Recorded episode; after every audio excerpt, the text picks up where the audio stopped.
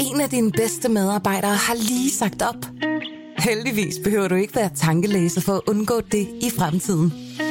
WinningTemp indsamler data gennem hyppige og anonyme medarbejderundersøgelser, så du lettere kan mærke pulsen på dine medarbejdere og støtte der, hvor der er behov.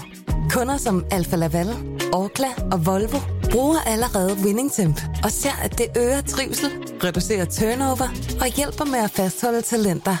Få gratis gennemgang allerede i dag på winningtemp.com.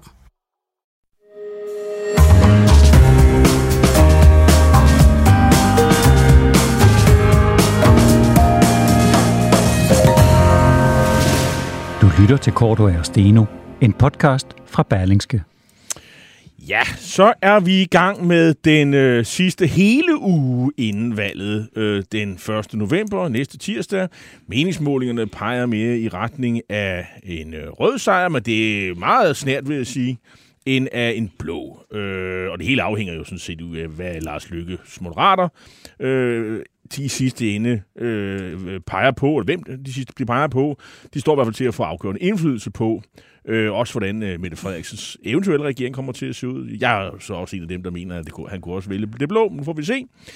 Alt det her, det taler vi om til sidst i timen, øh, her sidste timen, hvor vi også byder på en debat om klima og landbrug. Det er jo sådan et område, hvor V og K øh, er sådan lidt trængt i defensiven. Velkommen til, jeg hedder Jarl, og jeg hedder Jarl Kortua, og, og mit navn, det er øh, Tom Steno. Og jeg skal sige til jer lytter, vi er selvfølgelig altid øh, meget glade for, at I øh, lytter med øh, her direkte. Og der, dem af jer, der gør det, I har den særlige mulighed, øh, at I kan sætte jeres præg på programmet, fordi I kan kommentere og stille spørgsmål ved at skrive til os på vores Facebook-side, Kortua og Steno. Og det kan I jo så gøre, stille spørgsmål til for eksempel vores første gæst, som er Niels Peder Ravn. Velkommen, Niels Peder Ravn. Du er kandidat for Nye Borgerlige her i øh, København, øh, hvor du også øh, sidder i borgerrepræsentationen, så du er jo ikke sådan fuldstændig uden for øh, politik. Men Niels Peder Ravn, når man nu øh, støder på dit øh, ansigt i en eller anden lygtepæl, så er der jo ikke i, det, i sig selv et argument for, at man skulle stemme på dig. Så hvis man nu ikke skal stemme på øh, partiet, men skal stemme på dig, og partiet. Hvad, hvad skal man så, øh, hvad er det så, hvad får man for pengene? Ja, man, man får i hvert fald en københavner, kan man sige, og øh, jeg synes, at en, en, en rigtig borgerlig københavner er jo ikke noget, som der findes alt for meget af.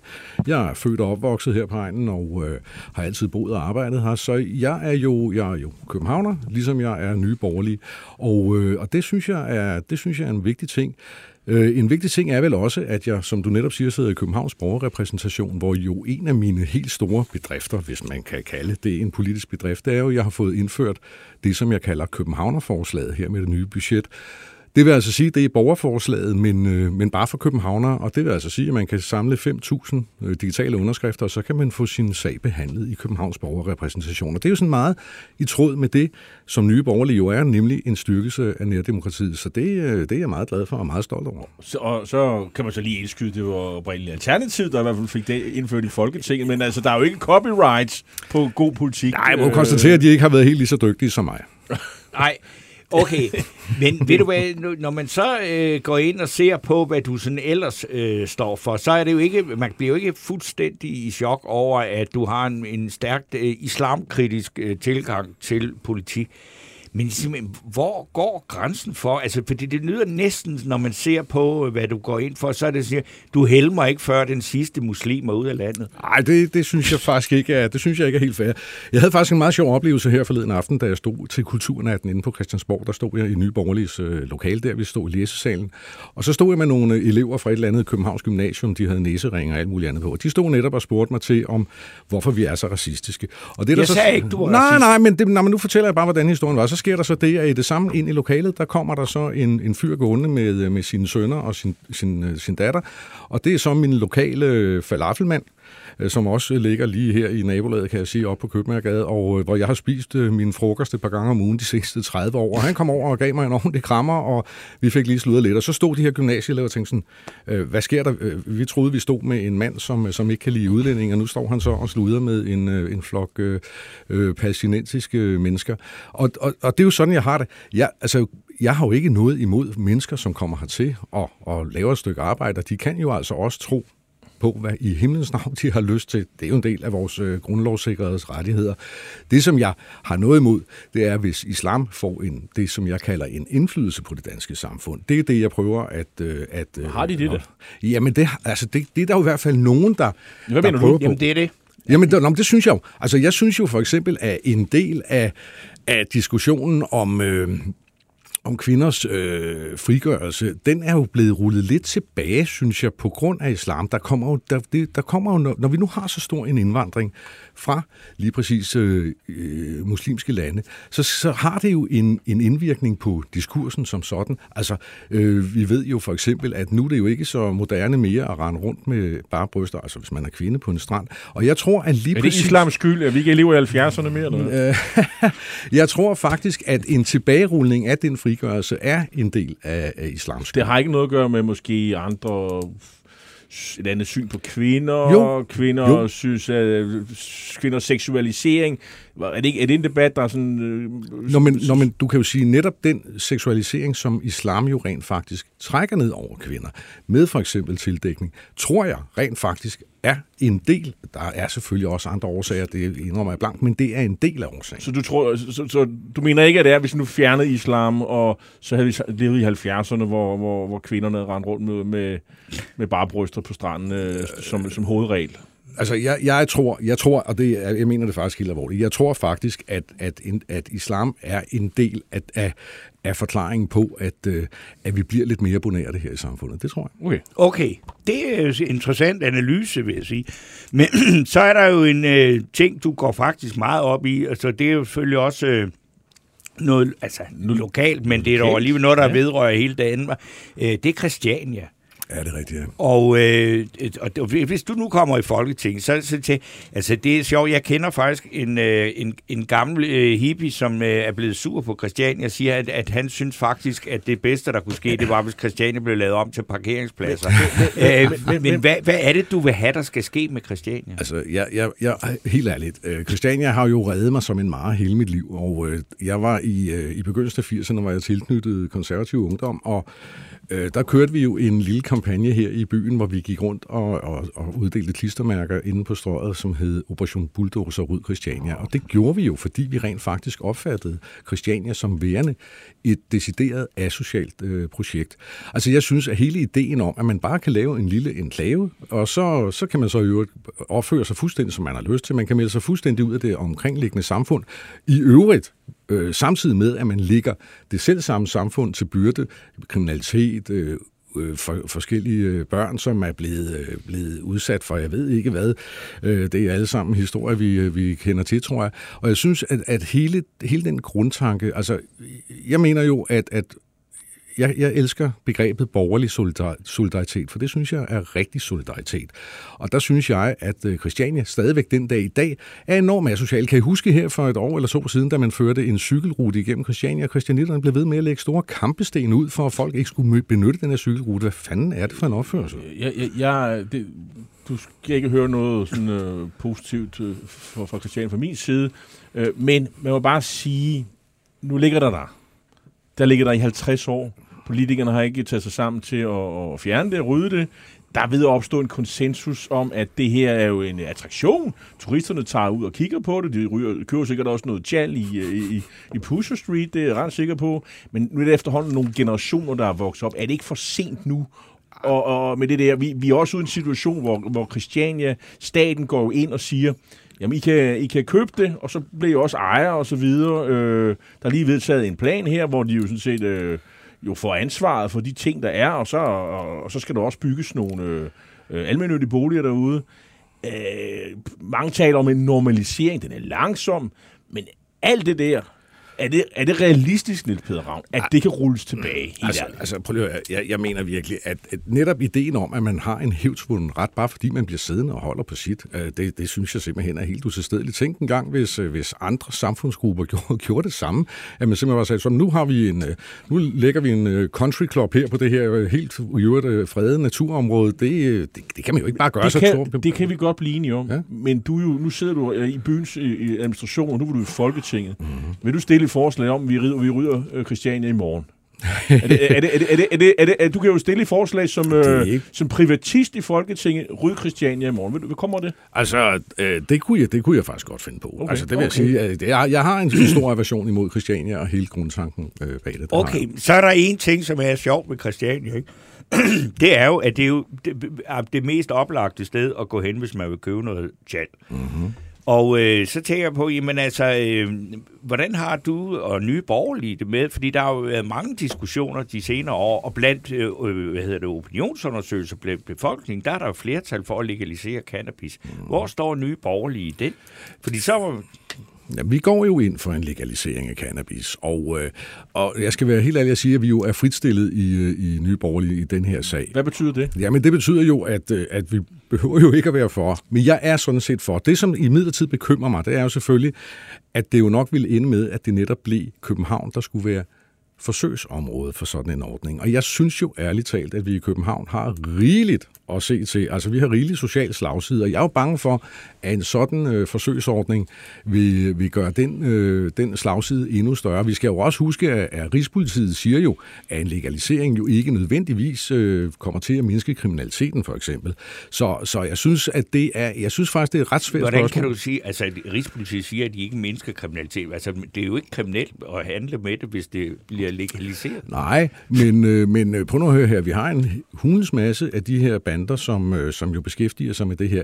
Øh, jeg tænker ikke, at de bare trækker sig tilbage og, og lever af deres, deres formue, øh, hvis, øh, hvis der sker en legalisering. De skal jo finde andre ting at lave. Og det bliver jo formentlig ikke, det bliver jo formentlig ikke revisorforretninger eller noget andet, de åbner. Nå, men det bliver i hvert fald ikke cannabis. Jo, det kan det sagtens blive, fordi det kunne jo for eksempel være, at man så begyndte at, øh, at sælge, sælge hash under det, som så ville være den officielle markedspris, nu bare for at nævne en enkelt ting. Okay, det er ligesom hjemmebrænderi eller sådan Jo, noget. men det er jo det, vi ser i for eksempel i Colorado for eksempel. Der ser vi jo faktisk, at, øh, at, øh, at der, der har det jo ikke mindsket øh, hashkriminaliteten, at det er blevet legalt. Og det der jo så, øh, synes jeg, er næsten et endnu større problem. Jeg er far til fem, så jeg, så jeg tænker jo også lidt på de unge mennesker. Og det, som jeg synes er, er endnu værre, det er, at ved en legalisering... Ja, altså, lad mig slå fast. Folk, som er voksne, de kan gøre, hvad i himlens navn de har lyst til. Ja, hvis man har lyst til at ryge en lille splift, når man er ude øh, lørdag aften, så, så, så be my guest, hvis det var lovligt naturligvis. Men Øh, men jeg har bare en, en frygt for, at mange børn og unge, de vil se det. Når det nu er normaliseret, jamen så er det jo normaliseret. Så, så, så ser man øh, onkel Otto øh, ryge en lille joint øh, til konfirmationen, og, eller konfirmationsmiddagen, eller hvad ved jeg. Og det er jo det, der sker, når ting bliver normaliseret, så bliver det jo også normalt. Også selvom det er ulovligt, altså for, for eksempel mindreårige. Øh, en ting, øh, jeg lige vil skyde ind her, altså nu er det jo blevet legaliseret rigtig mange amerikanske byer, og New York øh, senest, og folk, der har været i New York, de siger, at der rydder- stinker, stinker øh, af, cannabis overalt. Det gør det. Og det, det skal man bare tage med. Øh, jeg var i Atlanta, det er ikke ulovligt. Hele den indre by stinker af marihuana. Stinker det? Man kan også sige, at det dufter. Det stinker af... altså, det kan godt være, men det, det kan godt være, det er fedt at ryge, øh, Torben, men det stinker. Ja. Også, men sådan er der så meget. Nu, øh, nu jeg er jo lidt på jagt efter en... Øh, nogle politikere, der stiller op i hovedstaden, som øh, vil slås for hovedstaden. Din partiformand stiller op nede i Syd- Sønderjylland, og, og jeg kan se, det er sådan meget landbruget, hun interesserer sig for. Der var et billede af hende med, med, med, med, med en gris her Ja, det er i weekenden, jeg ja. mærke til. Ja. Og, så det, det tolker jeg retning af, at det er sådan landbrugs, øh, landbrugets stemmer, hun øh, måske lidt er interesseret i. Du nikker, du er enig. Øh, hvad med hovedstaden, øh, Niels Peder Ravn? Du stiller op her og repræsenterer mennesker her i hovedstaden. Og når jeg kigger på til de sidste valgperioder, der ser jeg øh, offentlige arbejdspladser ud af København. Uddannelsespladser ud af København. Skattekroner ud af København. En af de helt store øh, kommuner, der fik lov til at og hvad hedder det, virkelig øh, må den helt ned og, og finde penge, så man kan øh, sende til i udlændingsordningen. Det er Københavns Kommune. Du sidder der og repræsenterer 55, øh, som en af de 55. Hvis man stemmer på dig, er det så en stemme på en fortsættelse af udflytningspolitikken med arbejdspladser, uddannelsespladser og penge? Eller er det en, øh, altså, stemmer man på en mand, der vil sige, nej, det vil jeg tale imod? Hvad, hvad, hvad, hvad får vi? Og det vil jeg tale imod. Altså hør her, jeg er jo, jeg er jo træt af den Københavner-bashing, som man jo ser øh, på, på, på højrefløjen. Øh, ikke mindst fra DF og, og nu senest... Øh, Og Socialdemokratiet, Partiet Inger Støjberg. Ja, ja, nå jo, men nu ligger de vel næppe på, på, på, på, på hø- højrefløjen. Jeg er meget træt af det der Københavner-bashing. Det vil Ja, nogen det kan vi naturligvis diskutere. Men, men jeg er træt af Københavner-bashing, og jeg synes jo, at København er jo trods alt landets stolte hovedstad. Og, øh, og, og jeg synes lige præcis, der, der, det er jo interessant, at hvis, hvis øh, jyske byer de skal have en motorvej, så får, de, så får de statsfinansieret motorvej. Hvis vi skal have en metro, så skal vi til at deponere demokratiet i en, øh, i, i en firma, der hedder By og Havn, øh, som så øh, laver alle mulige monstrøse projekter rundt omkring i byen, som jeg i øvrigt er kæmpe modstander af. Øh, men det er jo så os i København, som skal betale for, for en sådan metro. Det synes jeg er lidt ærgerligt, og der synes jeg, man godt kunne prøve at finde nogle andre løsninger på det. Jeg synes også, at udflytning i mange, mange øh, specielt inden for uddannelsesområdet, synes jeg kan være problematisk. Altså, jeg synes jo, at folk skal selvfølgelig kunne tage de uddannelser, som de gerne vil i nabolaget af, hvor de bor. Og jeg er jo enig i, at alle skal jo ikke nødvendigvis flytte til København for at tage en uddannelse. Men lad os tale om, at for eksempel, hvis vi taler universitetsmiljøet, kommer vi i et forskningsmæssigt underskud, fordi vi udflytter alting? Er det, øh, kan vi sikre, at, at øh, de forskere, som dygtige forskere vi har, de nu også har lyst til at flytte til Nordjylland eller Sønderjylland, eller hvad ved jeg, for at opretholde et vist niveau? Øhm, så, så, så udflytning øh, er ikke noget, jeg er en meget stor fan af, andet end jeg siger, at selvfølgelig for så vidt angår uddannelse, så skal det være muligt at kunne tage en uddannelse nogenlunde i det nabolag, hvor man er. Alting behøver ikke at ligge, ligge i København, men jeg synes, at rigtig meget bør ligge i København. Okay, øh, vi skal, Niels Peder Ravn, der er, du har skrevet en øh, kronik tror jeg, vi kan kalde det, eller i hvert fald et debatindlæg i politikken under overskriften Venstrefløjen skaber mistrivsel hos unge. Og er der nogen, der øh, faktisk egentlig plejer at, at går meget op i at, at, øh, at, at den her mistrivsel, og har mange bud på, hvad man skal gøre ved det, blandt andet med psykologhjælp og så videre. Hvad er det, du mener, at øh, hvordan er det, kan du Venstrefløjen beskylde for, at det er dem, der har skaber mistrivsel? Men det, det mener jeg sagtens, jeg kan. Altså, jeg blev, jeg, jeg blev faktisk farvet. Det var en af de første første debatter her i folketingsvalgkampen, jeg var til. Det var ude på Christianshavns Gymnasium. Og øh, det, var, det var en stor debat. Der var masser af, af unge mennesker, og der var masser af politikere. Og det, som der så sker, det er, at det første punkt på dagsordenen, det er så lige præcis mistrivsel. Og øh, det er jo selvfølgelig også noget, jeg tager alvorligt, som sagt. Jeg er far øh, til, til mange børn, og, øh, og øh, er jo selvfølgelig interesseret i, at de har det så godt som muligt. Men så diskuterer vi mistrivsel, og derefter så begynder, så begynder Venstrefløjen så at diskutere klimakrise, biodiversitetskrise, energikrise, Ukrainekrise osv. Og det, som jeg oplever, det er, at jeg ser en venstrefløj, som i jagten på stemmer blandt de unge, og det her det er jo gymnasieelever, så der er mange af dem, som jo skal sætte deres kryds for første gang, så prøver de ligesom at tage de her unge mennesker med ind og bilde dem ind, at de her strukturelle problemer, som vi taler om i for eksempel det, som vi kan kalde en klimakrise, øh, at, at, at de, de, de kan løse det, at de har et personligt ansvar for at, øh, at løse den her krise, hvilket jo selvfølgelig er fuldstændig øh, off the grid. Selvfølgelig kan de ikke det. Og det, som jeg vist også siger i, øh, i det debatindlæg, der er, at jeg synes, at de unge mennesker, de skal selvfølgelig være oplyst om, hvad der foregår, og de skal stemme på politikere, som rent faktisk så tør at træffe nogle valg, øh, som, som kan være med til at løse de her forskellige kriser. Jeg synes ikke, at det er, jeg synes faktisk ikke, det er ordentlighed fra politikernes side, at de netop i en valgkampsituation prøver at lægge de her byrder over på de unge menneskers skuldre. Ja, jeg kunne godt tænke mig at komme ind med en kommentar her, fordi jeg synes, det er meget underholdende. Øh, det er krigsfotografen Jan Graup, der har kommenteret det billede, vi talte om før med altså, øh, partiformanden. Pernille og Gris. Ja, jeg har billede, set det, jeg har ja, hvor hun uh, ligger op af en gris i noget hø, iført en kedeldragt. Og det mener Jan Grav, som en af vores prisbelønnede krigsfotografer, er et... Ja, ja, han synes, det er ganske forfærdeligt billede, der appellerer til den laveste øh, hvad hedder det, fællesnævn af vores Danmark. Og, øh, og, og det ligner noget fra en pornofilm fra 70'erne. Ja. Så vi kommer tilbage til 70'erne alligevel, Niels Peder Ravn. det var da dejligt. Nå, men jeg vil jo sige, at jeg er jo, jeg er jo, jeg er jo for så vidt stor øh, fan af Jan Gravrup. Jeg synes, han er utrolig dygtig, og, øh, øh og han bor, så vidt jeg ved, også på Østerbro. Vi ses i hvert fald en gang imellem ja. øh, på gaden. Men, ja. men, Tror du, han stemmer på den nye øh, Nej, det ved jeg jo, han ikke gør. Og jeg, jeg, og jeg vil jo så sige, at jeg synes jo egentlig også, det er lidt morsomt, at øh, det er Jan Gravrup, som, øh, som kommer med den billedanalyse, han, han kommer med ja. der. Fordi man kan sige, at hvis der er nogen, som er gode til at lave, hvad skal vi sige, øh, følelsesporno rent øh, visuelt, så er det der igen. Okay, ja, derfor fik han så svar på det. Men ja, så nu er det jo så Pernille Vermund, der ligger op af svinet der, ikke? Ja. Og det er jo ligesom den lyse. Der, hvordan har du... Altså, den der, der, de to, Agneta og Frida, de er jo kommet lidt på kant her, øh, på grund af den her sag med, øh, med med ham her, Mulvarpen, eller øh, der ringer op og vil tilbyde Champagnedrengen der, ja. Champagnedreng, ikke? Ja. Og øh, så jeg vil sige, at borg, nye borgerlige er røget i fælden, altså det er jo, der er jo stort set kun enhedslisten, eller hvem er det, der, Ja, de der ikke er frie røget i? grønne, de var vist også lidt, øh, lidt mere picky, ikke også? Jo.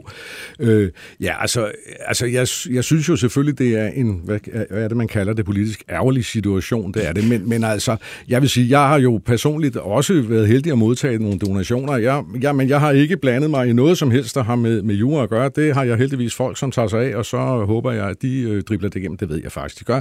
Dribler det igennem på en ordentlig måde.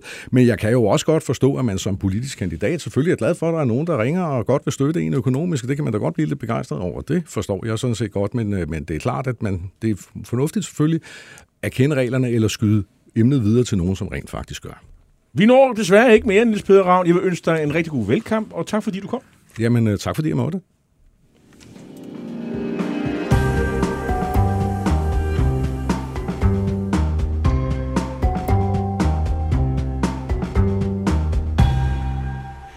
Ja, så er vi ved at lægge an til dagens debat. Både Venstre og de konservative er gået til valg på en øh, borgerlig regering, hvor Jakob Ellemann har bedyret, at han godt kan se sig selv som minister i en regering med Søren Pape øh, som statsminister, og, og omvendt. Lige pt. så øh, ser det ikke ud, som om det bliver aktuelt. Øh, hvem ved? Det afhænger jo stadig ikke Lars Løkke. Jeg mener nu nok, det er tættere på, end du, tror, end du gør. Ja, men det kan vi snakke om men, lidt senere. øh, men begge partier kommer jo nok til at få en indflydelse på den næste regeringspolitik.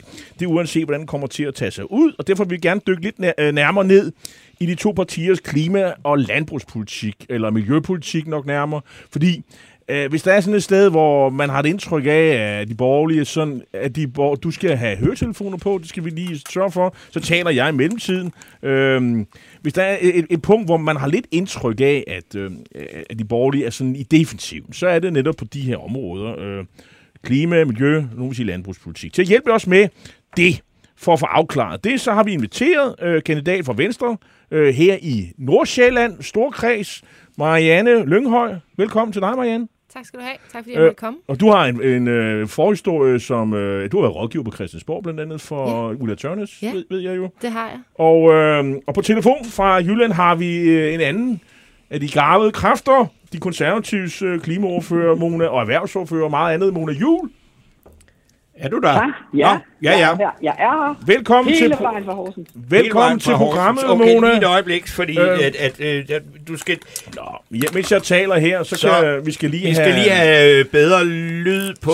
Øh, ja, Mona er Mo- med nu, og Mona- Marianne kan høre Mona. Mona Jul, øh, Alle er glade. Mona Jul. Altså, det som man har lidt indtryk af, det er jo he- he- hele det her med CO2-afgift øh, på landbruget, klimaafgift og så videre. Øhm, hvad, hvad er egentlig de, øh, i den, den diskussion, hvor står øh, de konservative? Jamen, vi står der, hvor vi hele tiden har gjort, at vi mener, at vi skal nå vores 70% målsætning, og der mener vi, at en CO2-afgift er et godt værktøj. Det er en af de billigste måder, hvor vi kan komme i mål og, og nå vores målsætninger. Vi har også øh, fra starten af sagt, øh, også dengang vi havde klimaministerens manglende begejstring for CO2-afgiften, har vi jo fra starten af også sagt, men vi er her jo ikke for at smaske nogle erhverv ned. Vi er her for at sikre en grøn omstilling i erhvervene, og derfor øh, skal vi selvfølgelig sørge for, at, øh, at det samlede skattetryk ikke stiger øh, for, for særlige virksomhederne. Men, men hvis vi ser specifikt på landbruget og CO2-afgift, hvad er det så? Altså, mm. I, der kan I blive helt enige med Socialdemokraterne, sådan som det ligger lige nu? Ja, altså efter Socialdemokraterne er blevet glade for en CO2-afgift, så ser det ud til, at vi godt kan finde ud af at lave noget sammen på det. Det kunne vi jo også øh, i foråret i forhold til industrien. Øh, og det kunne vi jo øh, blive enige om, fordi at vi jo samtidig fik de skattelettelser, der skulle til, så det samlede skattetryk ikke øh, kom til at stige. Og det er helt afgørende for os. Altså vi øh, tænker ikke, at vi skal sænke vores konkurrenceevne, øh, fjerne arbejdspladser, øh, sørge for, at det hele bliver dyrere for den enkelte dansker osv. Det er, jo, det er jo ikke det, vi er her for. Vi er her for at sikre, at vi skal nå vores klimamål, men jo ikke, øh, og, og samtidig sørge for, at vi også bevarer vores arbejdspladser og konkurrenceevne. Så det er en balance. Øh, hvad siger du, Marianne Lynghøj? Jamen, Venstre var jo nogle af dem, der var de første til overhovedet at foreslå en, øh, en CO2-afgift på, øh, på, altså generelt en CO2-skat. Og det er jo et rigtig godt liberalt princip.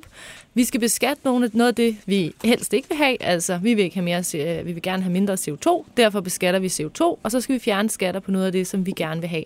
Så helt grundlæggende er vi i Venstre for en CO2-afgift på landbruget, men jeg vil sådan ønske, at vi i denne her debat kunne tale lidt mere om, hvordan hvordan skal vi så lave en CO2-afgift? Fordi vi taler enormt meget om, skal vi have en CO2-afgift eller ej, og det er vi stort set alle sammen enige om.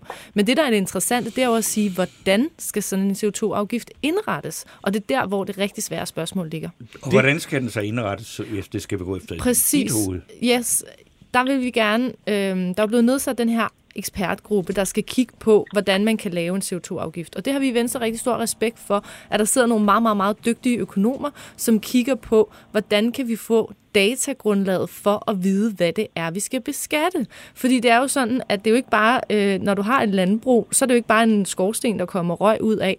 Det er biologiske processer, det er meget komplicerede processer, og derfor så skal vi jo præcis vide, hvad er det, vi skal beskatte, og hvordan skal det beskattes. Jeg kan forstå på Jacob Ellemann, sådan en CO2-afgift, den skal være på verdensplan, og hvis man læser Jyllandsposten i dag, så kan man jo få indtryk af, øh, når Gemmelgør og tidligere landbrugspræsident og andre, de sådan, øh, de er lidt øh, mere lunkne over for den her CO2-afgift. Er I enige med jer selv i Venstre? Ja, det er vi. Okay. Men i Venstre er vi jo også et øh, parti, som er, har internationalt udsyn, og som har respekt for, at vi er en del af det globale marked, og vi er en del af det europæiske marked. Og derfor så giver det jo også mening, så længe vi ikke lukker grænserne for handel og for varer ude fra Europa, så giver det jo mening, at vi kigger ind i og siger, hvad er det så for, hvad er det for nogle varer, der kommer ind i Europa, og hvordan sikrer vi nogenlunde jævnt skattetryk på det? Mona Jul, øh, jeg, har, jeg, jeg synes, jeg hører øh, dig sige noget af det samme. Det her med, at der skal være balance med arbejdspladser, og så, og så, og så, det, og så det her med, at man også gerne vil øh, straffe øh, dem, der bruger for meget CO2, i, også i landbruget. Men hvis man ja. lytter til andre eksperter, så siger de, at vi kommer slet, slet, slet, slet ikke i mål med 2030-målsætning om 70% reduktion i forhold til 1990-niveauet, hvis ikke landbruget øh, bliver reduceret, og det er specielt den animalske produktion. Øh, er, er, hvad siger I til det konservative? Det, jeg, jeg har lidt indtryk af, at I skulle være lidt mere sådan klima- og miljømæssige øh, end, end Venstre. Er, er, tager jeg fejl, eller hvad? Jeg tror, at den der kamp om, hvem der er mest grøn, skal vi ikke bare lægge den til side alternativt? Okay. Nej, nu har vi lige blandet op det, for skal... Okay, hvad siger du, Mona? det, det, der er vigtigt, ikke? det er jo, at øh, vi får fundet ud af den model, der skal til. Vi får sikret, at det lige præcis er forureningen, der betaler. Og det, der er svært på landbruget, og det er også derfor, det er sådan lidt svært at diskutere, det er jo, at det er levende dyr meget af det. Det vil så, øh, det, altså, det, det gør det lige lidt vanskeligere. Og jeg har prøvet at sætte mig voldsomt ind i det, selvom jeg overhovedet ikke har nogen baggrund. Det er jo blevet populært, og jeg hørte også, at det der med at ligge op af en gris, eller at komme fra landet, eller eller andet, det, det, det gør jeg desværre ikke. Men jeg prøver at sætte mig voldsomt ind i det, fordi det er meget afgørende.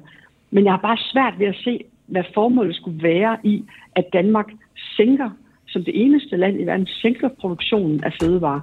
Hvorfor tror vi ikke på, at vi kan producere bedre og mindre for CO2 Er det ikke øh, det, det faktisk handler om? inden for Det, forholdsvis kort tid? det er sådan set et vi spørgsmål har til begge to. Det handler ikke om at få landbruget til at lade være med at producere så meget animalsk, men at tvinge dem over til at producere plantebaseret og finde ud af at tjene lige så mange penge på det. Maja Lykker. For mig handler det om, hvordan, hvad er det for nogle styrkepositioner, Danmark har. Danmark har faktisk en styrkeposition, når det kommer til produktion af animalske produkter. Og derfor så er det jo ingen mening at sige, at vi i Danmark skal producere mindre, for at vi så risikerer, at det bliver skubbet ud i verden. Og jeg ved godt, der er super meget debat om det her, man kalder en lækageeffekt. Altså stopper vi med at producere i Danmark og ryger det så til udlandet. Pointen er bare, at vi ved faktisk ikke, hvad lækageeffekten er. Men vi kan se, at der er mange europæiske lande, som er rigtig dygtige til at producere med lavt CO2-aftryk på kød. De har taget en politisk beslutning om, at de vil producere mindre kød, for eksempel Holland. Så hvis Danmark stopper produktion af grisekød, for eksempel, så ryger den ikke til Holland, fordi Holland vil have mindre produktion nu. Så derfor kan vi se, at det ryger måske til Polen, det ryger måske til Spanien, det ryger måske hele vejen ud af Europa. Og derfor så synes jeg, at det her det er en debat, som vi lige bliver nødt til at tænke os rigtig grundigt om, inden vi går meget hårdt ind i, Hvor- fordi vi ved ikke, hvad konsekvenserne er. Mona Jul, er du Men enig det er jo i også det? derfor, at vi skal... Ja. Ja, Mona Jul, Jamen, det er jo derfor, vi skal jo vente på de her eksperter. Altså, der er jo faktisk en årsag til, at, øh, at de både kom med, med rådgivning og, og modelforslag i foråret til den aftale, vi skulle lave der, og også kommer med, øh, med rådgivning og forslag her til november måned.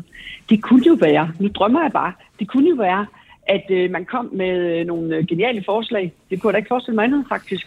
Det kunne også være, at man, at man lagde afgiften på en ny måde, at man fandt ud af, hvordan man kunne løse det her. I hvert fald havde vi rigtig god gavn af eksperternes forslag i foråret, hvor de ligesom kom med tre modeller, og så kunne vi lave en politisk løsning, som vi kunne blive enige om ud fra det. Og det er også det, jeg håber på, at vi kan her. Mona Jul, øh, hvis nu hvis nu man hører det her, så kunne man godt øh, måske få mm. den tanke, at det, det, I prøver simpelthen bare at trække tiden ud, i stedet for at, at gå til, øh, Ej, gå, gå til, gå til, har til, os. til handling, og, og den her lækageeffekt, som vi hørte om Nej. her, altså hør om før her, der er jo faktisk, øh, øh, vismænd har prøvet at regne på det, og de siger, øh, det de kommet frem til, det er, at der er jo faktisk ikke særlig meget Mm. øh, lækageeffekt. Hvorfor ikke bare se at komme i gang og fortælle landmændene, prøv at høre her venner, I skal halvere husdyrsproduktionen inden 2030. H- Hvad, siger du? Hvad- Jamen, det er jo lige præcis min pointe. Der er ikke særlig meget lækageeffekt. Og det, er jo- og det er jo stadig, så giver det jo ikke nogen mening. Hvorfor skal vi stoppe, hvis vi stadig risikerer, at der ryger CO2 ud af, eller øh, højere CO2-udledning øh, end fra det danske landbrug? Og det er jo derfor, vi bliver nødt til at vide, hvad det er, vi gør. Og en ting, som jeg virkelig, virkelig, virkelig savner i debatten om grøn omstilling af vores økonomi generelt, det er, at vi også begynder at tale lidt om forbrugerne. Fordi det er bare sådan, at i dag er der cirka en femtedel af danske forbrugere vil gerne betale ekstra for at købe et mere bæredygtigt produkt. Og hvis vi skal skabe en grøn økonomi, så er vi bare nødt til at have forbrugerne med. Og det bliver vi også nødt til at tale mere om, og det taler vi slet ikke om i den her valgkamp. Mona Jul? Ja, men det, jeg vil bare lige anholde det der med, om vi, øh, om vi sidder lidt på hænderne her. Nu skal jeg bare lige øh, minde jer om, at da vi lavede 70% målsætningen, så gik, det jo, øh, så gik der faktisk ret lang tid. Der blev nogle hurtige aftaler, men lige præcis i forhold til CO2-afgiften, der tog det altså regeringen ufattelig lang tid. Og dengang, at vi skulle øh, forhandle første gang, hvor vi havde ventet på øh, regeringens udspil, der viste det sig, at regeringen havde ikke noget udspil. Så måtte vi jo så sætte en, en ekspertgruppe i gang, og de har fået mulighed for at kigge på det. Og de valgte så at komme tilbage til os og sige, at vi kan lave i forhold til industrien først, og så må vi tage landbruget bagefter. At det så er trukket og trukket og trukket, det fatter jeg faktisk heller ikke. Fordi det er jo noget af det, der kommer til at give allermest i forhold til klimamålene. Men det har faktisk også, det er min største anke i forhold til klimaaftalerne, vi har lavet, det er, at det er trukket ud, det har taget for lang tid, og ved I hvad? Der er rigtig meget af det, der ikke bliver til en bønne, fordi der simpelthen ikke er kræfter nok bag. For eksempel på udtagning af lavbundsjord. Så det er meget fint, vi laver flotte aftaler, men implementering, åh, det halter bare Og, desværre. og man har lidt indtryk af lavbundsjorden. Det er sådan klimapolitikens øh, jobcenter, hvor man kan hente, hente CO2 i uendelige mængder. Det er råderum. Og, og der er råderum her. øh, men, men, men, Nej, men det er bare et meget effektivt greb, og så er det jo helt vildt, at det ikke sker. Og det, det er meget langt ude i fremtiden, og man kan jo ikke bare sådan gå ud og beslaglægge folks jord og sådan noget. Vel? Det, er jo, det, Jamen, tager jo lang tid. men ikke? der har du jo fuldstændig en Nå, men man pointe. kan da gå i gang med det. Ja, okay. lige præcis. Og, og det, som Mona siger, har hun fuldstændig ret i. Og det er faktisk rigtig vigtigt, at vi kommer hurtigt i gang med lavbundsjord, fordi lavbundsjord udleder det, der hedder ja. lattergas, så det vil sige, at det er en meget potent klimagas, så den er meget værre end helt almindelig CO2. Landbrugsparken fejrede et års fødselsdag her for ikke særlig lang tid siden. I forbindelse med Landbrugsparken, der aftalte man, at man skulle indsætte de her udtagningskonsulenter, som netop kan hjælpe med at få taget det her jord ud. Der er blevet ansat nul så det er simpelthen ikke rigtigt, at vi fra borgerlig side ikke presser på. Regeringen hænger så meget i bremsen med at få implementeret de her aftaler. Tak for det. Vi skal, have, vi skal lige tale, vi har to spørgsmål, og et spørgsmål, det handler om biodiversitet, fordi det synes jeg også er vigtigt. Og jeg er sådan set, selvom jeg er sådan en øh, farlig, øh, modbydelig venstremand, øh, der har jo tidligere været i hvert fald, øh, og, og, og så går jeg faktisk... det Og jeg bor, jeg bor, ja, det er rigtigt. Nu ved jeg ikke rigtig, hvad jeg skal stemme på. I, I vil jo gøre Inger Støjberg til minister, så nu, nu ved jeg ikke rigtig, hvad jeg skal gøre. Du kan bare stemme på mig. Nå, jeg, jeg, jeg Jamen, kan desværre ikke Nordsjælland, så det kan, det, der kom jeg let af, den der. Øh, men jeg ønsker jer begge to godt med, bortset fra det. Men, men øh, biodiversitet er jo vigtigt. Altså, Mhm. øh, altså så et, et par hurtige skud, inden vi skal lukke her. Øh, Mona Jul, hvad vil du gøre for biodiversiteten, hvis øh, du får fire år mere i Folketing? Så vil jeg sørge for, at vi rejser mere skov, og jeg vil sørge for, at vi får mere urørt natur. Det er jo sådan, at vi allerede på EU-plan har nogle målsætninger, som vi burde jo op til, og det synes jeg faktisk, vi skal se at komme i gang med at finde ud af, hvordan vi, vi gør det. Marianne Lyhøj, Jamen i Venstre har vi afsat 8 milliarder i vores klimaplan til at rejse mere skov, så der kan vi jo starte. Og så har vi også foreslået, at vi skal have en biodiversitetsmål, øh, lov med bindende mål, ligesom vi har en klimalov med bindende mål. Øh, det synes jeg er et rigtig godt sted at starte. Og hvis jeg så bare lige må sige et lille bitte, bitte, bitte, bitte pip om landbruget også, så er der for eksempel også en meget, meget, meget væsentlig del af biodiversiteten. Det er det, der sker nedenunder jorden. Og der er mange landmænd, der arbejder med det, der hedder conservation agriculture, det vil sige, at de laver mindre jordbearbejdning det har vi slet ikke nogen politik for. Vi har ikke noget forskning, særlig meget forskning for det i Danmark. Og der synes jeg også godt, at vi kunne sætte ind, fordi biodiversiteten starter i muldlaget. Så er der et uh, spørgsmål, som kommer fra en lytter, der hedder Henrik Sørensen, og det, han retter det først og fremmest til Venstre, men uh, Mona Jul, du kan sagtens svare på det også. Hvordan forholder I jer til, at der er 540.000 tons spiselig mad, der bliver mm. smidt ud hvert år i Danmark? Mm. I kroner svarer det til 8,4 milliarder. Mm. Madspillet sker både i de private husholdninger og, og i processen fra produktion til salg. Er det noget, I øh, kan byde ind på? Mona Jul? Jamen, det er svært at lave politik på alting. Men rent faktisk, så er der nogle, nogle forskellige greb, man kan lave omkring øh, madspil. For det første, så, øh, så i stedet for at kunne lave politik, kunne man jo også overveje, øh, den omkostning, der er for den enkelte virksomhed, den enkelte husstand, altså at begynde at kigge noget mere på det. Det synes jeg, der heldigvis er gode kræfter på, der, der er med til at motivere. Øh, jeg tror ikke, der er en arbejdsplads, med, der ikke har forsøgt at, at lave øh, sortering og sådan noget, vise, hvor meget man egentlig smider ud. Mm. Og det giver i hvert fald et eller andet. Politisk er der nogle greb i forhold til øh, moms på, på noget af det mad, man, man, man skal give videre, hvis det er der er nogle forskellige ting, vi kan tage fat i det, men det er utrolig vanskeligt at, løse politisk. Ja, fordi det her det handler om kultur- og adfærdsændringer, men jeg synes også, vi har taget gode ja. tiltag, og også for eksempel det her med, og i stedet for at sige mindst holdbart til, så kan man også sige stadig god efter, sådan at vi også som forbrugere ikke bare smider noget ud, fordi det har overløbet en dato, men at vi også sådan lige kigger lidt på, at det her er egentlig stadig godt, en kartoffel kan jo stadig være fin, selvom at den har udløbet sin, sin, øh, sin øh, mindst holdbart til dato. Så der skal vi også som forbrugere sætte ind og være mere bevidste. Godt, øh, Marianne Lynghøj fra Venstre. Tak skal du have, og tak til os til Mona Jule. Jeg går ud fra, at du finder dig i Horsens, et sted, hvor man kan få Danmarks bedste karisil nede på havnen, nede hos Dollis. Tusind tak, fordi uh, I tog en klimalandbrugsdebat. Mona Jule er konservativ. Ja. Selv tak. Tak for det. godt. Lige måde. Hej.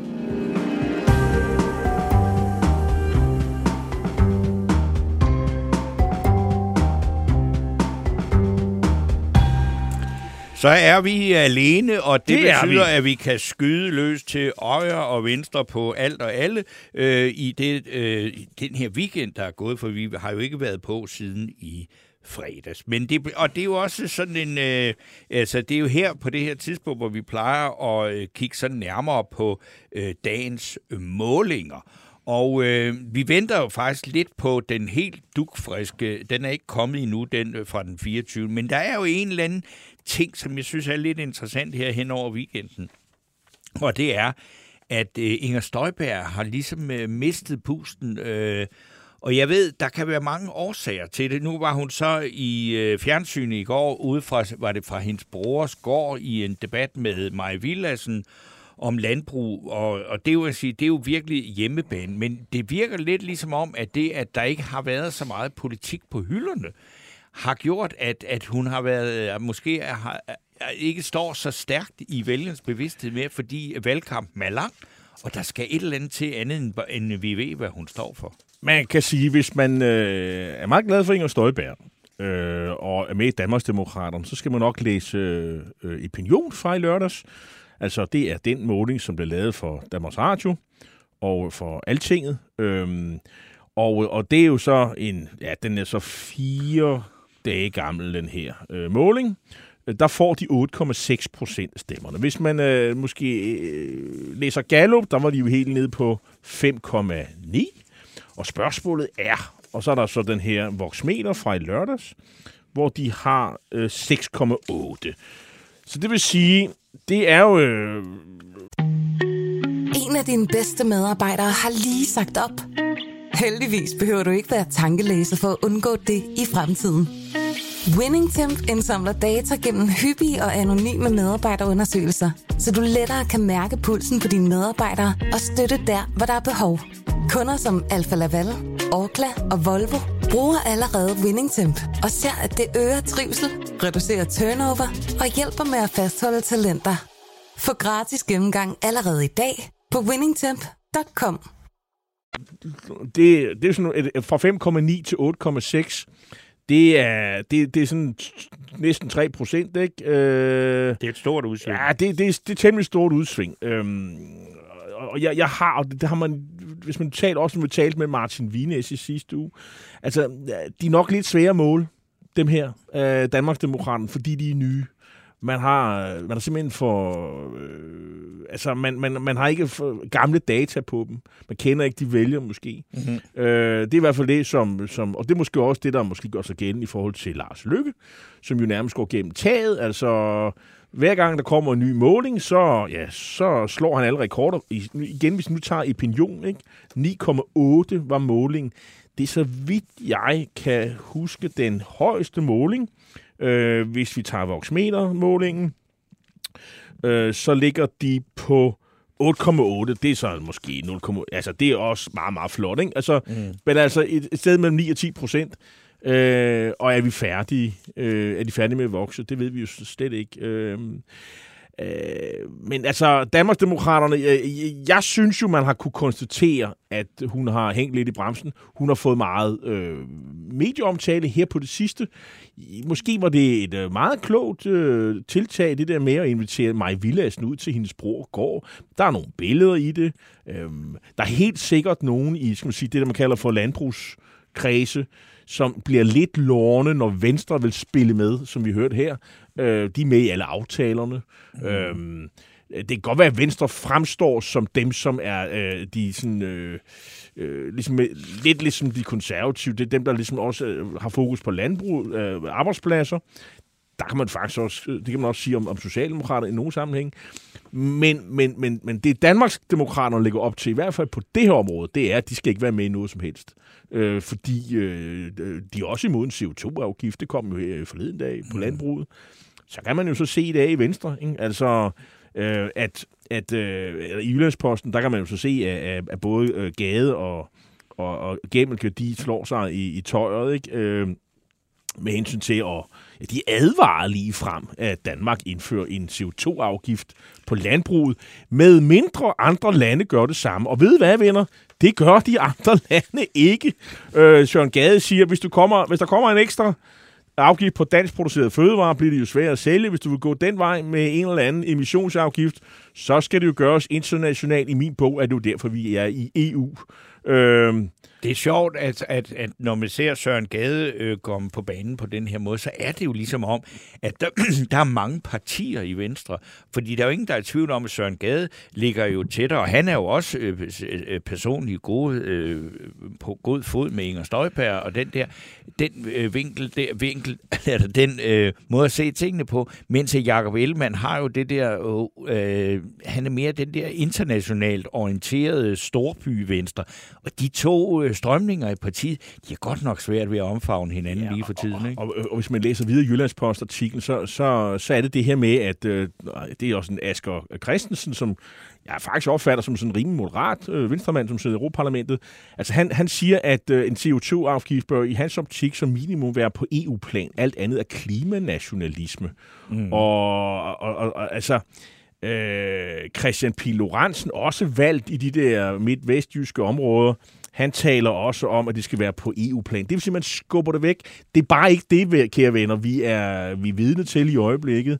Øh, det, som Socialdemokratiet foreslår, det er, at man i, på, på, øh, fra dansk hold indfører en CO2-afgift på, på landbruget.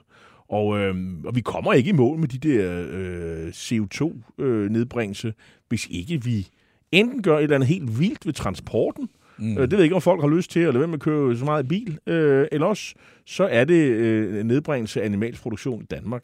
Og det er specielt køer, det er måske ikke så meget svin, det er køer, der ja, er problemet, de, de fordi store... de går og står og prutter. Og så siger Inger Støjberg sådan noget med, ja, men så kan vi jo give dem noget andet at spise, og de der drøvtykker og sådan noget.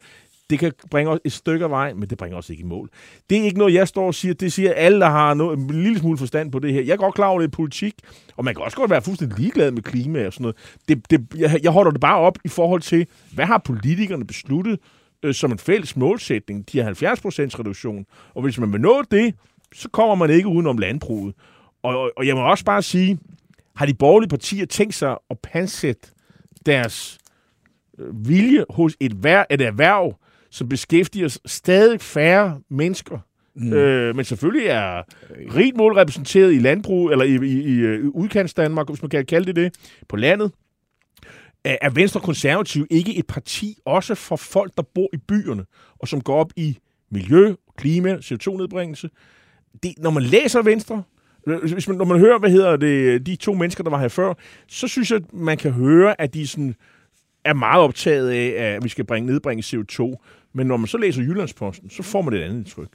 Men altså, jeg vil sige, at jeg kender dog trods alt også mennesker, som bor her i, i hovedstaden, ikke? som øh, synes, at, at øh, hvad skal vi sige, øh, klima og reduktionerne er, er jo øh, hysteriske, altså de der 70 procents mål. Og der også er klimanationalisme. Øh, det er jo det, det er et synspunkt, der trives for eksempel øh, blandt meget liberale Øh, og det er jo de, de unge, og det er jo, øh, jeg tror ikke, altså det er ikke på landet, at Alex van Opslag, han henter alle sine øh, vælgere. Øh, men det er jo også en sjov, interessant ting med ham, at, øh, at han har så meget øh, gang i en eller anden helt person kultagtig ting, at folk står i kø inde ved hovedbanegården, mm. bare for at se ham. Ja, det er sådan helt rockstjerneagtigt. Det er og, noget nyt. Og, og, og man må bare sige, det, det, det jeg tænker første gang, det er, ja, det igen lykkes ham at, at få fat i de unge, eller de nye. Altså, det så vi jo faktisk også tidligere, Liberal Alliance havde fat i de unge, og så det havde de så helt sikkert ikke sidste gang, fordi der faldt de jo sammen som, øh, som en budding, ikke? Men, men, men det er godt set, det her. Mm. Øh, jeg bryder mig så bare ikke om, at man bruger en kinesisk app øh, til at indfange de unge. Det må jeg sige. Øh, altså, te- kinesisk teknologi, det skal vi bruge mindre af, øh, hvis du spørger mig. Men altså, men det, nu men, altså, er den der. Men nu er den der, og, mm. og, og, og, og sådan er det. Og jeg gør ham heller ikke til øh, Kina-elsker, øh, fordi han bruger TikTok. Jeg synes bare, han skal måske tænke over, hvad det er for et, øh, et, noget, han bruger. Altså, de sidder jo og, og tapper øh, oplysninger for de unge mennesker, men de er der jo i forvejen. Det er jo ikke Alex Van Opslags øh, skyld. Men det er klogt af ham. Spørgsmålet er, hvor mange af de unge mennesker har øh, egentlig stemmeret. Øh, men det får de jo så på et tidspunkt. Ja, det, det har de, og der er jo, altså, når man er 18 år og skal stemme første gang, det er dem, han sidder på. Man kan sige, hvis, hvis øh, altså det viser målingerne jo også, at hvis, øh, hvis det kun var de unge, det man kalder de unge, der skulle stemme, så ville øh, Liberal Alliance være et kæmpe stort parti, måske endda det største. Ikke? Og, og det er jo så også noget, der gør lidt op med, med, hvad skal man sige, måske en af fordommene eller myterne, det er, at de unge er meget røde. Øh, der er mange unge mennesker, der føler sig tiltrukket af, af af, undskyld, af enhedslisten. Øh, men, men, øh, men altså, der er altså endnu flere, som er meget liberale. Øh, og det, det synes jeg faktisk øh, er på mange måder er øh, interessant. Og så er der kommet et spørgsmål fra Sara Pedersen, mm. og hun skriver, hej Jarl og Torben, hvem tror I lykke ikke plejer, står der, men der, eller der står plejer, men peger på, eller tror I, han ender som statsminister i en blå regering, hvis ja, hvis ja, oh, nu skal jeg lige se her, øh, hvis ja, mister han så ikke al troværdighed, når han har når han har startet et nyt parti op, der vil gøre op med fløjene. Og så kan jeg så sige, det vil, jeg vil gerne lade, overlade den gå videre til øh, Jarl Kort, men jeg vil også lige sige, at øh, han kan ikke miste øh, troværdighed hos mig, fordi at han starter et parti, der gør op med fløjene, uanset om han peger på rød eller blå. Fordi det er jo lige præcis det, han gerne vil, øh, og, har, og han allerede gerne ville ved sidste valg, det var at holde øh, nye borgerlige, Dansk Folkeparti og enhedslisten uden for indflydelse. Og det, det, det tror jeg, da, det gælder da stadigvæk, og det er uanset, hvem han eventuelt skulle pege på. Jamen altså, for at svare på spørgsmålet, øh, jamen jeg tror ikke, at han bliver blå statsminister, og, og det gør han ikke, fordi øh, jeg hører nye borgerlige, og jeg hører Inger Støjberg sige, at det vil de ikke være med til. Øh, så, så, så, så det kommer ikke til at ske. Øhm, og, og, og, og, og det kan da godt være, at han spiller sig selv på banen på et tidspunkt. Det, det, det er meget muligt. Øhm, men jeg tror ikke, jeg mener ikke, at man kan gøre det, gøre det op ligesom en, en kommunal bestyrelse, hvor man ligesom øh, Øh, kan for, for holde de røde væk, så tilbyder man Lykke statsministerposten. Noget andet er, at det måske ville være meget klogt, fordi jeg tror, det ville bryde sammen meget hurtigt, fordi Lykke ikke kan stille hold. Altså, han har ikke folk i, i, i den... Jeg tror ikke, den folketingsgruppe, når man kigger på kandidaterne, at der er ret mange emner der, som kunne blive minister. Øh, så det vil sige, at han skal ud og finde dem i sit privat netværk. Det har jeg skrevet en klumme om i går i Berlingske i søndags. Øh, og, og, og så har jeg svært ved at se, hvordan det kan fungere, at han sidder over i... Øh, prins Jørgen skal over 11 og skal styre øh, øh landet, og så, og så ikke have kontakt og styring med, hvad der foregår i en folketingsgruppe, som for det meste består af, af, af undskyld udtrykket, øh, politiske amatører. Øh, det, alle starter jo som politiske amatører, øh, og mange er glade for politiske amatører, men det, det tager tid at få kilometer benene som parlamentariker og lære rytmen, finde ud af, hvordan man laver øh, politiske forlig øh, øh, og alt det her.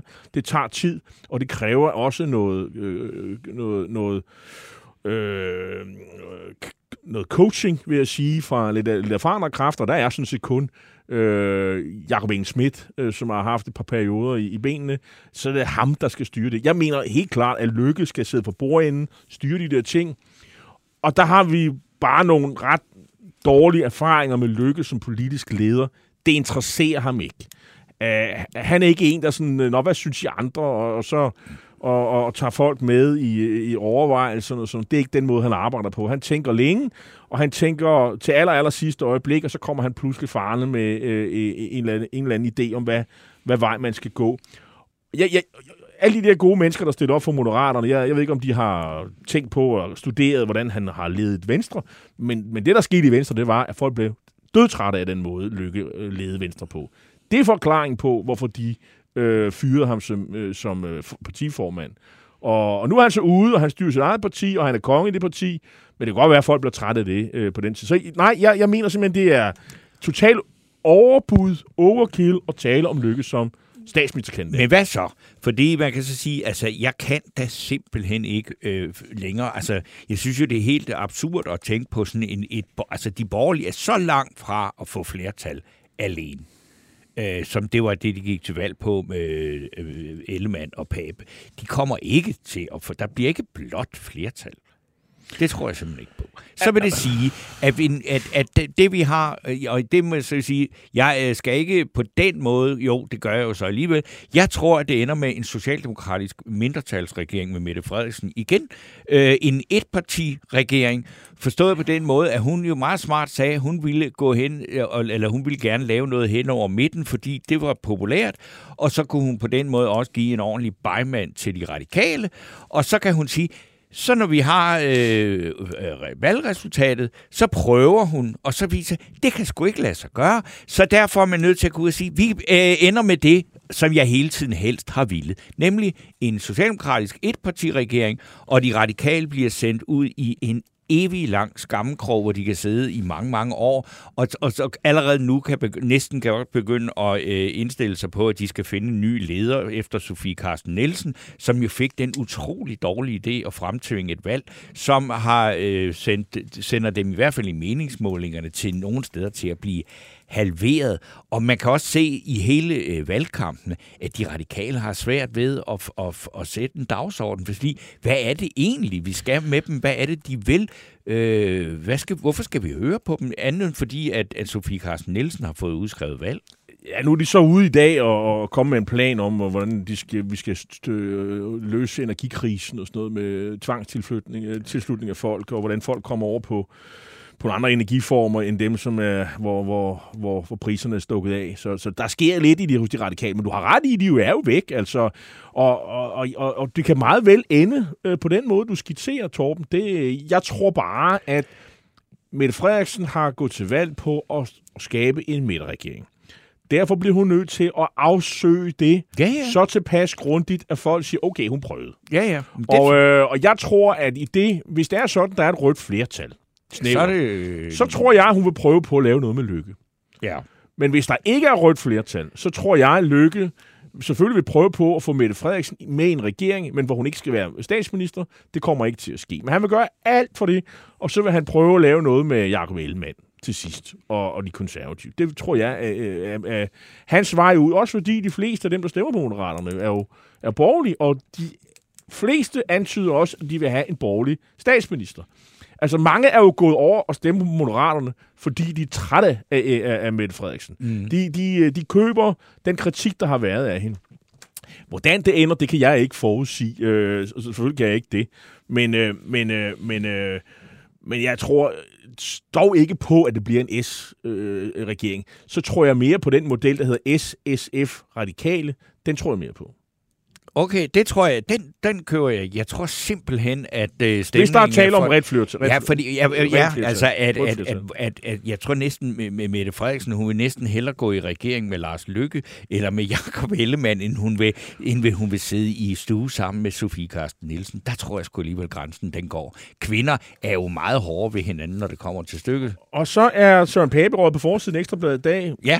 Hvad synes du om den historie? Ej, den er lidt tynd. Altså, han har været i den Dominikanske Republik under ja. det der, hvor der har været sådan orange bjælke for den Dominikanske Republik, altså hvor man fraråder at tage afsted. Ja. Og så har han taget afsted alligevel, fordi, det han, ved, fordi det, han, han, han var vaccineret og havde fået sygdom. Ja, det mest interessante ved det, det er det billede af ham med en fantastisk cowboyhat på. Og altså, jeg ved, altså, jeg, jeg, jeg orker næsten ikke mere Søren Gade. Han er en færdig mand i ja, dansk ja, ja, politik. Jeg synes i hvert fald ikke, at det er noget... Jeg, jeg, jeg, og jeg vil sige, de sidste målinger, det viser jo faktisk, at han er helt nede omkring valgresultatet for 2030. Ja, altså, det, det er, 2019. Det mest interessante ved de konservative, det er, som, hvem skal afløse Gade? Eller øh, ikke Gade, Pape, Søren Pape. Ikke?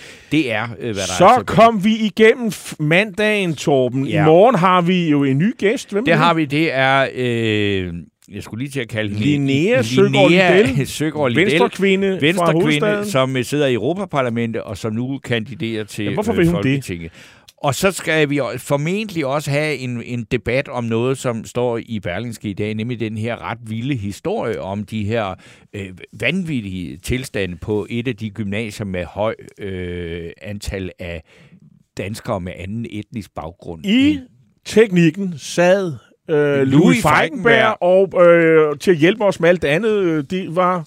Mads Bjergård. Tak for i dag. Vi er tilbage i morgen 10.05.